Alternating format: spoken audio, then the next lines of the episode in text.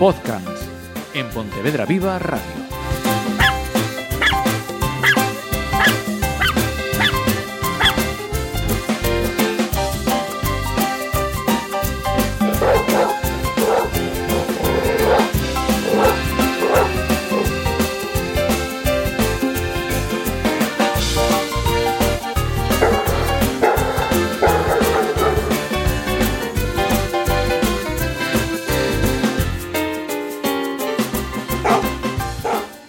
Hola, saludos. Eh, vamos con otro de estos eh, podcast, programas eh, que dedicamos a, a, las mascotas. Y me acompaña, como siempre, Diego Álvarez, el educador canino de podcast. Bienvenido. Muchas gracias.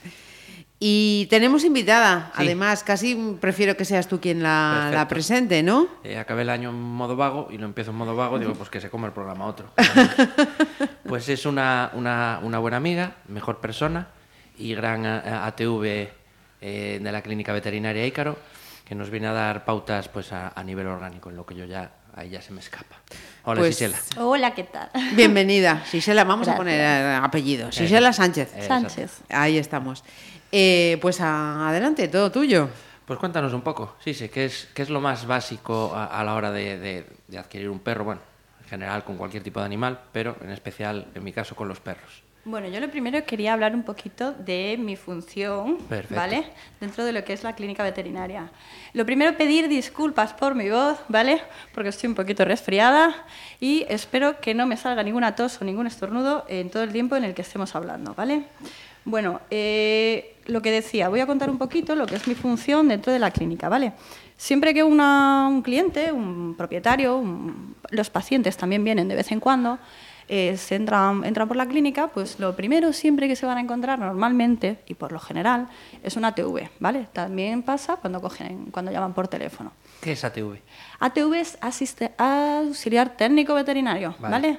Lo que es lo mismo y para simplificar, enfermera o enfermero veterinario, ¿vale? Vamos a ponerlos bien lo del tema este de lenguaje inclusivo, no vaya a ser que alguien se nos ofenda. Bueno, eh, lo dicho, en principio cuando entramos a una clínica, siempre, por lo general, nos vamos a encontrar un auxiliar, ¿vale? El auxiliar ha de tener una serie de conocimientos, ¿vale? Que, le pueden, pues eso, otorgar la capacidad de explicar al dueño, al propietario, qué es lo que necesita su animal en el momento en el que él acude al centro veterinario, ¿vale? Eh, debemos estar bien formados, ¿vale? Debemos hacer siempre pues, cursos, ir a, con, a congresos, eh, intentar participar dentro de lo que es la clínica pues lo más, bueno, estar lo más formados posible y, bueno, eh, normalmente pues siempre se nos acude pues un poco preguntando pues la pregunta inicial, ¿no? Oye, a mi perro le pasa esto, a mi gato le pasa esto, ¿qué debo hacer? Normalmente nosotros somos los que filtramos este tipo de visitas, los que decidimos un poquito si necesita atención veterinaria o no, ¿vale? Entonces debemos ser conscientes de lo que tenemos entre manos.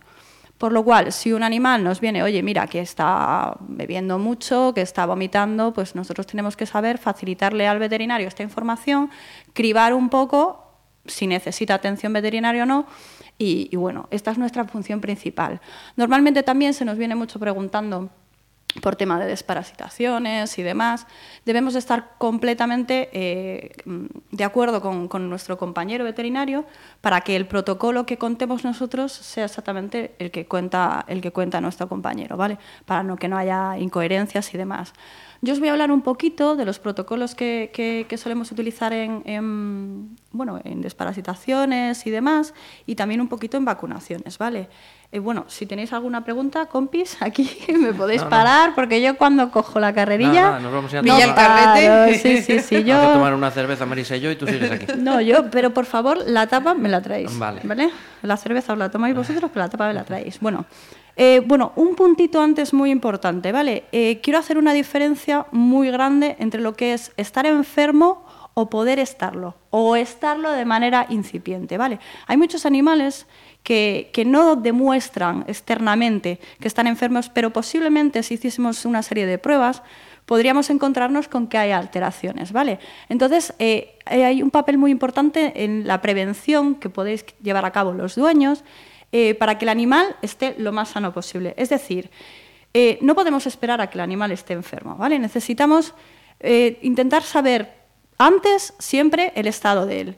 Es decir, no vamos a esperar a que el animal de pronto pues eso, pues tenga una diarrea sanguinolenta o, esté directamente con disnea, que es una, una, discapacidad en la respiración. No vamos a esperar a esto, no debemos esperar a llegar a esto, ¿vale? Entonces, nosotras, por ejemplo, en animales a partir de 6, 7 añitos, recomendamos ya una visita periódica anual al veterinario, es decir, hacer un chequeo completo. ¿Esto qué conlleva? Hacer una analítica, hacer una radiografía, si es necesario hacer electro, hacer un, bueno, un examen general del animal, del estado, porque nos podemos adelantar a todo tipo de problemas. ¿vale? Cuando un problema lo cogemos en su inicio, eh, posiblemente el animal le, demos, le estemos dando ya no solo esperanza de vida, le estamos dando una calidad de vida. Es decir, si nosotros pillamos una cardiopatía tiempo antes de que se produzca una remodelación del corazón, ese animal posiblemente vaya a vivir mucho más tiempo y lo vaya a vivir mejor. Entonces, es muy, muy, muy adecuado, ¿vale? Que seamos conscientes de que para que un animal viva bien, debemos de ser nosotros responsables, ¿vale? Y llevarlo al veterinario de manera anual a partir de cierta edad. Y yo, personalmente, recomiendo ya no solo a partir de cierta edad, sino durante toda su vida. Por ejemplo, ahora tenemos el caso de un animalito que, que se llama Furio, que le doy un saludo a Lucía si en, algún momento nos escucha, que durante toda su vida ha tenido un par de detallitos, que es que bebía mucho y que orinaba mucho, ¿vale? Nunca le dieron importancia, pero sin embargo eh, cayó en nuestra clínica por casualidad y hemos decidido empezar una serie de pruebas y efectivamente pues puede haber una patología de base que no se ha tratado desde que el animal era pequeño. Con lo cual, pues bueno, eh, evidentemente hubiera sido mejor empezar a tratar esta enfermedad antes, pero pues tiene ahora casi 12 añitos y bueno, pues nosotras vamos a hacer todo lo que todo lo que podamos. Que conste que todavía no hemos terminado las pruebas, ¿vale? No podemos constatar que este perriño esté enfermo, pero algo pasa, ¿vale? No es normal que un animal beba mucha agua y haga mucho pis. Si te puedo interrumpir, sí. Eh, en eso estoy totalmente de acuerdo. Aún es más, eh, recuerdo una vez un caso que me llamó una amiga que me decía que la perrita ya tenía una edad como para dejar de eliminar en casa y seguir eliminando en casa. Eh, por lo general se suele acudir muchas veces a los, a los educadores y, muchas veces el, origen es orgánico. En el caso de, esta perrita, de hecho, eh, le dije, ¿cuánto bebe? Dice, pues no lo calculé. Evidentemente lo calculó, le dije, dile la cantidad a tu veterinario porque si no te... Puede tengo, problemas, sí. creo que tenéis unos baremos, unas tablas más o menos de lo sí, que puede... y aparte cuando se trata de a lo mejor de, lo que dices tú, eliminación en, casa, tanto pues eh, orina o, o heces y demás, eh, hay que descartar una serie de, cosas y puede acabar siendo un problema de disfunción cognitiva. Es decir, que eso es algo que se descarta básicamente con, pruebas, ¿vale? Y llegando a descarto todo lo que puede ser, ¿vale? Y al final, pues no te queda más remedio que eso, es que sea, por ejemplo, una disfunción cognitiva. En el caso de esta perrita, al final, el problema era, eh, bebía un montón, muchísimo por encima de lo, de lo normal, y tenía la diabetes, eh, eh, sí, es diabetes, ¿no? De, los, de, los, perros. Y fue empezar a tomar la medicación, inmediatamente la perra dejó de, eliminar en casa. Entonces es fundamental eso. O sea, a, modo de, resumen, Gisela, lo que nos estás diciendo en, en este tiempo es que utilicemos el sentido común como podemos utilizarlo con las personas, es decir, unas visitas periódicas, en las personas al médico, en este caso al veterinario, como haríamos con cualquier persona para saber que no tiene nada, que va todo bien y que haya un control. es que, además en los perros hay que, bueno, en la mayoría de los animales hay que tener en cuenta una cosa, y es que realmente no demuestran muchas veces que hay un problema hasta que ya el problema es ya Evidente, desesperado, ¿vale? Nosotras, por ejemplo, en la clínica tratamos animales exóticos, ¿vale? Eh, los animales exóticos por lo general son animales de presa. Es decir, no demuestran que están enfermos hasta que realmente no pueden más. Con lo cual, la mayoría de los animales que nos traen, que pues, por ejemplo un periquito, una cobaya, un conejo y demás, realmente cuando ya nos lo llegan a, traer a la clínica, ya hay muchas veces pocas cosas que hacer, porque ya está, ya es, vamos, acuciante que, pueda, que pueda venir el fallecimiento. Entonces, nosotros en, en, los exóticos lo que solemos hacer es mucho hincapié con pequeñas pequeños cambios en el comportamiento. Es decir, si tu conejo siempre iba a hacer caca y pis al arenero, bueno, al arenero, arenero no, perdón, esquinero, eh, si ibas siempre y no vas, si de pronto le notas que la respiración es un poco más profunda, si notas que esté comiendo un poquito menos o que las verduras ya no te las quiera o el heno ya no te lo quiera, hay que fijarse muy bien en todos esos detalles para, para para ver que realmente hay un cambio, porque empiezan con pequeños cambios y acaba siendo algo ya demasiado exagerado, ¿vale? Entonces, bueno, hay que hacer mucho, hay que ver mucho a nuestros animales, tocarlos mucho, estar mucho con ellos, que es muy importante, ¿vale? Para poder mm, detectar el mínimo cambio en ellos, ¿vale? Observar su comportamiento Exacto, habitual y cuando sí. haya algún eh, comportamiento o acción eh, que no sea habitual, Sí. Exacto, que no son una lámpara, no están ahí tal. No. que- sí, sí, hay muchos- Normalmente es eso, empiezan con pequeñas cositas y, y bueno, por ejemplo, los gatos es, es increíble porque realmente eh, los cambios de comportamiento pueden ser tan, tan, tan variados en función de- del animal. Es decir, un gato no puedo decir, o sea, eh, hay gatos que cuando están enfermos se asean más, hay gatos que cuando están enfermos se asean menos, hay gatos que cuando están enfermos juegan más, otros que juegan menos. Entonces, realmente en un gato cualquier mínimo cambio es crucial, Sí, sí. ¿vale? Que haga un pis fuera no es que sea un guarro. Ojo, que hay mucha gente que es que mi gato es un guarrete. No, tu gato no es un guarrete. Tu gato posiblemente esté haciendo pis fuera de la bandeja porque hay un problema metabólico, un problema de salud. Entonces, lo primero es preguntar. Y nosotras estamos completamente abiertas a que se nos llame, se nos contacte vía pues eso, telefónica, vía WhatsApp o incluso en la clínica. No cobramos por preguntar, ¿vale? Importante, no cobramos por preguntar. Se os va a petar la clínica ahora, de verdad. Eh, Bueno, si todo es para responder preguntas de este tipo y dejar a los clientes tranquilos, que y a sea... los animales en buen estado. Sí, exacto, principalmente. Nos ibas a hablar también de- del tema de la desparasitación, ¿no? Exacto, bien. Eh, bueno, existen dos tipos de desparasitación, lo que se llama mm, un poco vulgarmente desparasitación externa y desparasitación interna, ¿vale? La externa son los bichitos que podemos ver y la interna son los que no vemos, pero que pueden acabar viéndose en las cacolas, ¿vale? Entonces, mm, yo os voy a hablar un poquito de los protocolos que usamos nosotras en la clínica, ¿vale? Esto no quiere decir que en la clínica de pollo, otros compañeros o en Darwin o en Pontevedra, eh, pues utilicen esta misma metodología, ¿vale? A nosotros nos gusta hacerlo así porque, bueno, eh, entendemos que, que es la manera más adecuada, ¿vale? Incluso puede haber cambios. Normalmente, por ejemplo, la desparasitación interna, ¿vale?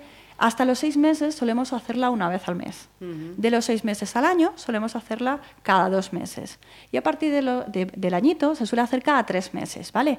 ¿Por qué lo hacemos así? Básicamente porque el animal a medida que va creciendo va obteniendo defensas, ¿vale? Va haciéndose un poquito más fuerte contra el entorno, con lo cual pues tolerará en mayor medida pues la parasitación, ¿vale? Realmente esta, esta desparasitación incluso se puede hacer mensualmente si el animal convive con niños, ¿vale? No es lo mismo los adultos que los niños, que igual que los animales, las defensas hasta que son adultos pues no están ahí pre- preparadas para todo, ¿vale? Entonces, bueno, se podría llegar a hacer. ¿Esto cómo se hace? Mediante normalmente pastillas, ¿vale? Hay algún producto que se puede utilizar, por ejemplo, en gatos, como pipeta, ¿vale? Porque, bueno, los gatos ya sabéis que lo de las pastillas no lo toleran muy bien y entonces es un poquito más sencillo, ¿vale?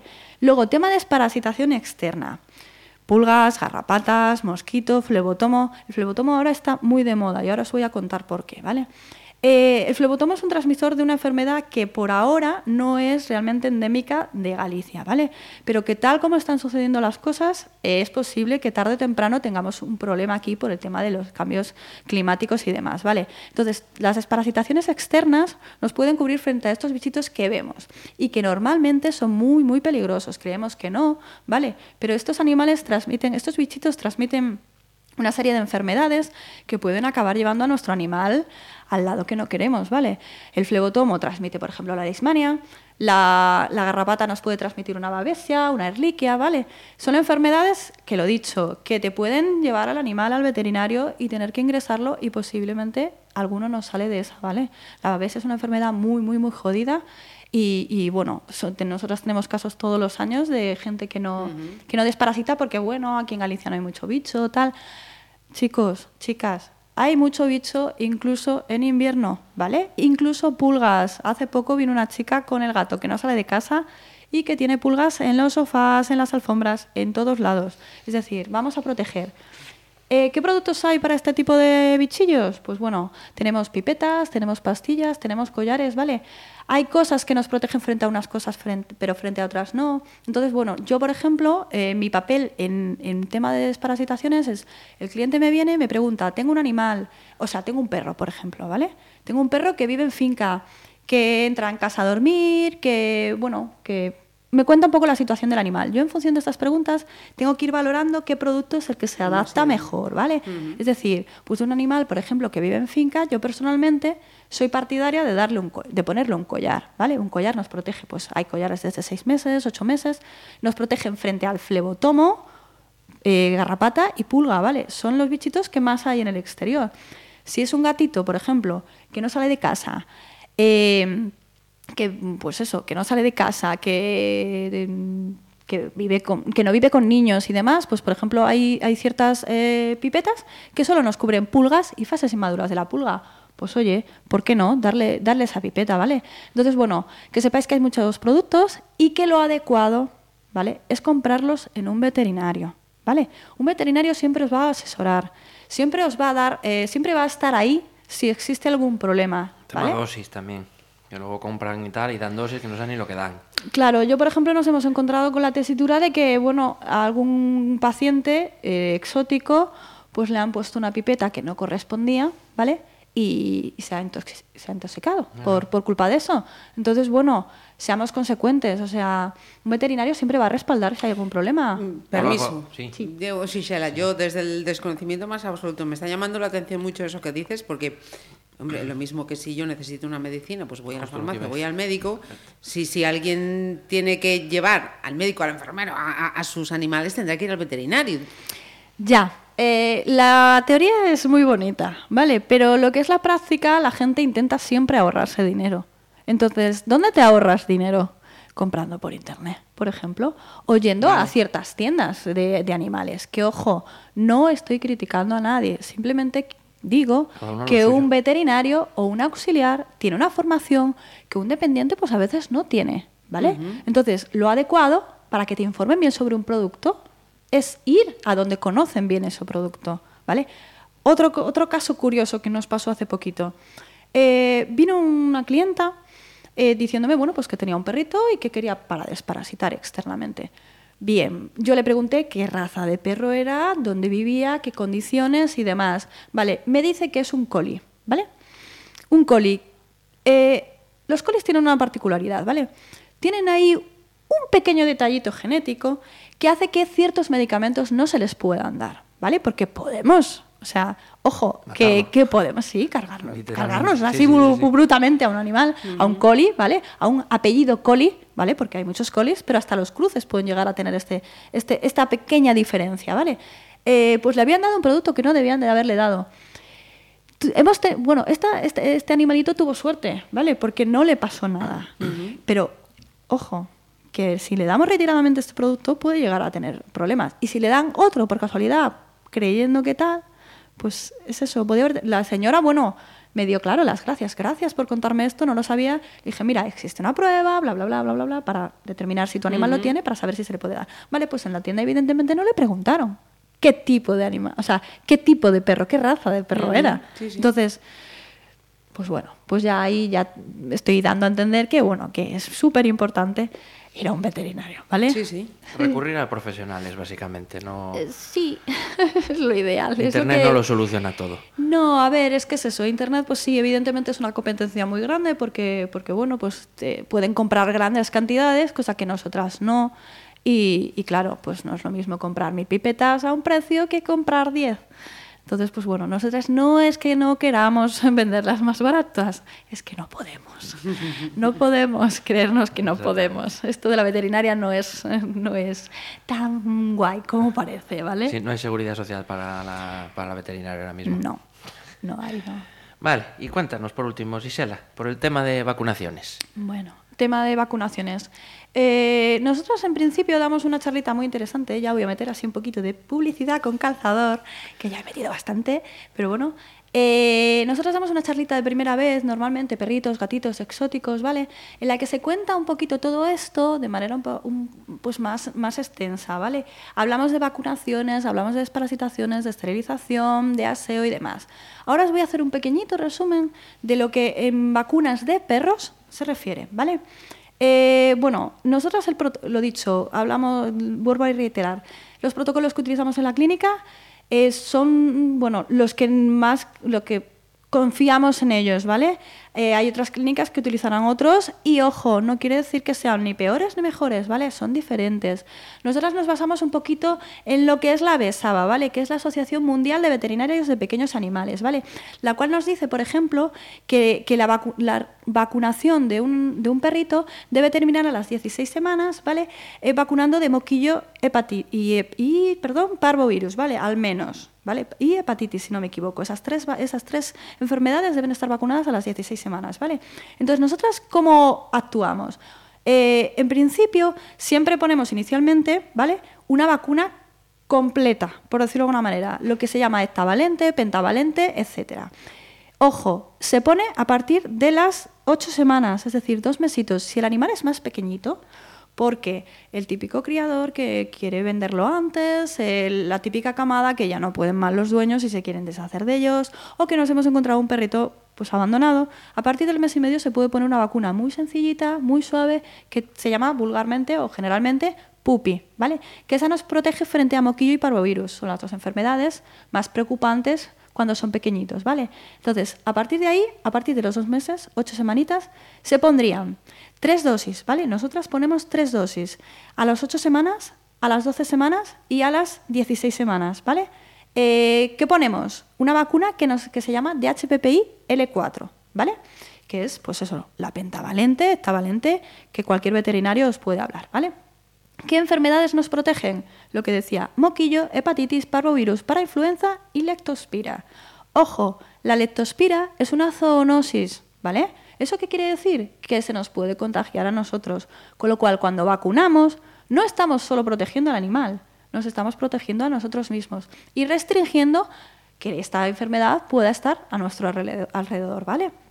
Entonces, esta vacuna para mí es súper importante y es la vacuna que todo perro debería de tener, ¿vale? Como mínimo, que hay más vacunas, ¿vale? En este caso os voy a hablar de tres, ¿vale? Eh, la vacuna de la rabia, la vacuna de la tos de las perreras y ahora la vacuna contra la eh, ¿vale? Eh, para mí, siempre es importantísimo ponerlas todas. A vuestros hijos se las ponéis, ¿verdad? Pues los perros y los gatos exactamente igual. Entonces, la rabia no es obligatoria en Galicia, ¿vale? Pero sí es obligatoria en la mayoría del territorio nacional. Entonces, es una enfermedad que se puede también transmitir a las personas. Es una enfermedad mortal, ¿vale? Y es una enfermedad que es curioso que sea aquí, que no sea obligatoria, y que en los demás sitios sí, en el, resto de España sí. Porque, ¿qué pasa? La rabia llega a España, la rabia se va pum, pum, pum, pum, pum, extendiendo y de pronto llega a la frontera de Galicia y dice, anda, pues por aquí no paso. No vaya a ser, que aquí hay una frontera imaginaria. No hay fronteras, ¿vale? La rabia puede pasar de Asturias, de Castilla y León, puede pasar de donde quiera aquí, ¿vale? Con lo cual yo insisto mucho en ponerla, ¿vale?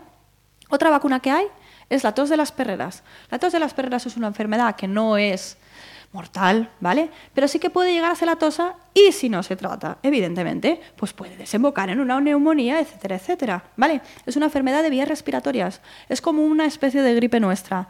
Personalmente, insisto mucho en que la pongáis, ¿vale? Porque aparte, esta típica, es la típica enfermedad que cuando te viene un perrito con, con, ella ya dices, vienen siete detrás. Y efectivamente, te entra uno por la puerta y ya es, ¿qué le pasa? ¿Qué tose? Todos de las perreras. Siempre, es impepinable. Con lo cual, mi recomendación es que la pongáis. Aparte ahora en muchos de los, de los hoteles para perros la exigen, ¿vale? Con lo cual, pues mira, si la vais poniendo, pues eso que os vais ahorrando a largo plazo, porque luego si no va a ser, ay Dios mío, tengo que poner la vacuna y tengo que pagar el hotel, madre mía, ¿cuánto gasto?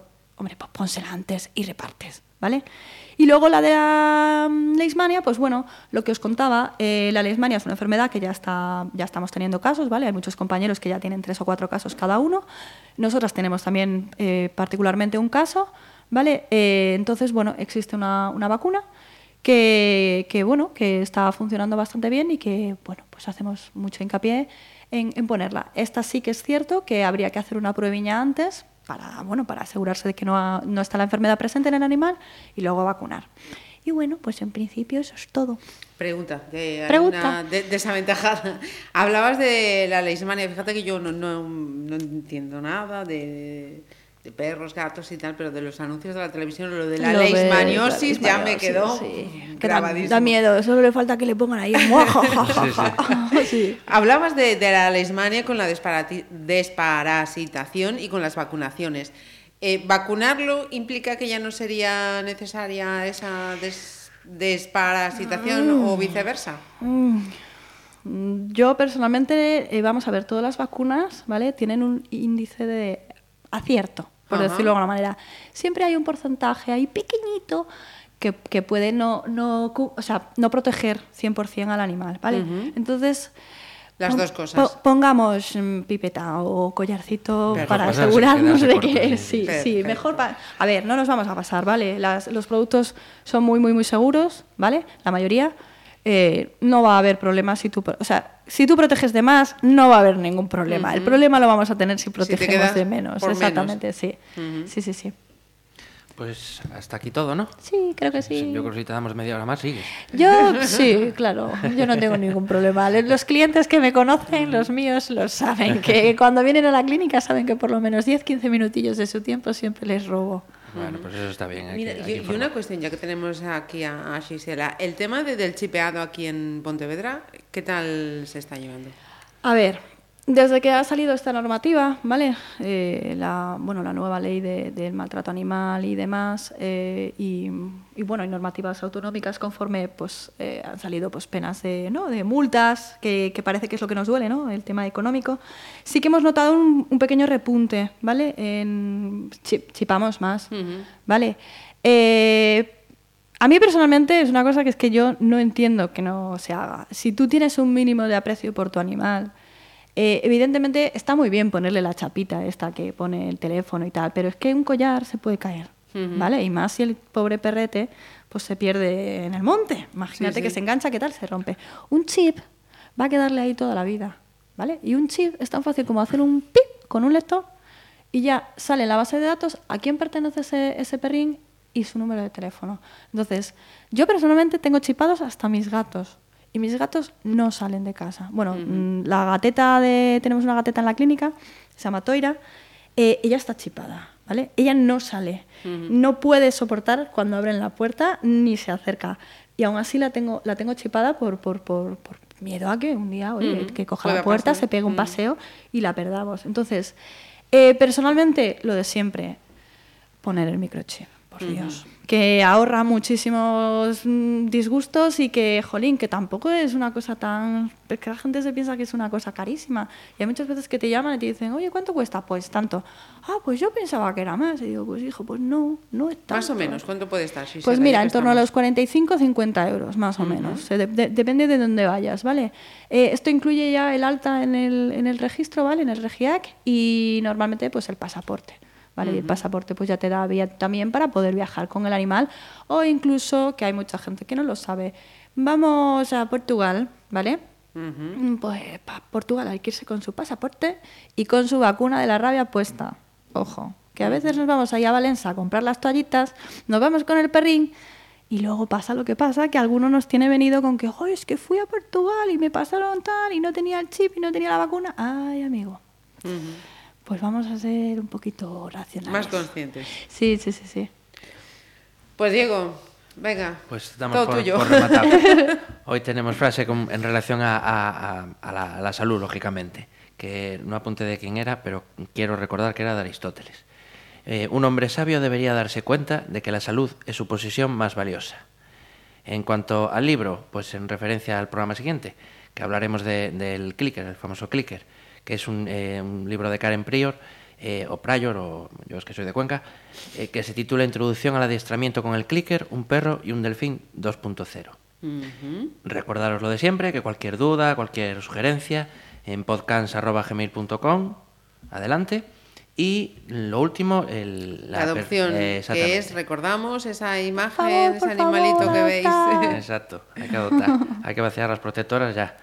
Eh, es de, de Palleros, de aquí de, de Pontevedra, es una perrita que se llama Candela, eh, evidentemente es una hembra, Eh, tiene en torno a los ocho añitos, le falta un ojiño, pero eso no le impide hacer una vida totalmente normal, y urge especialmente sacarla de la prote, porque hace poquito sufrió un ataque por parte de otros perriños, y, y necesita bastantes curas, con lo cual urgiría muchísimo por lo menos una acogida para, pues, pues, para eso, para el tema curas y tal, porque la, la gente de las prótesis ya es que no dan abasto.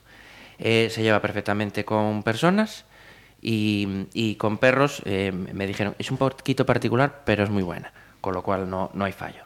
Y luego nada, pondremos como siempre el, el teléfono de, de- De de contacto. contacto. Eh, ¿Querías comentarme algo? Sí, sí. Sí, aprovechar el último minutito para hacer un poquito de publicidad. Eh, bueno, ya se dijo al principio, soy de la Clínica Veterinaria Ícaro, ¿vale? Estamos debajo del puente de la barca y si necesitáis cualquier cosilla nos podéis contactar al teléfono 886-214-006, ¿vale? Perfecto. Pues eh, Gisela, gracias por acompañarnos estos minutiños. Eh, Diego Álvarez, lo Muchas mismo. gracias, como siempre. y hasta dentro de un par de semanitas. Exactamente.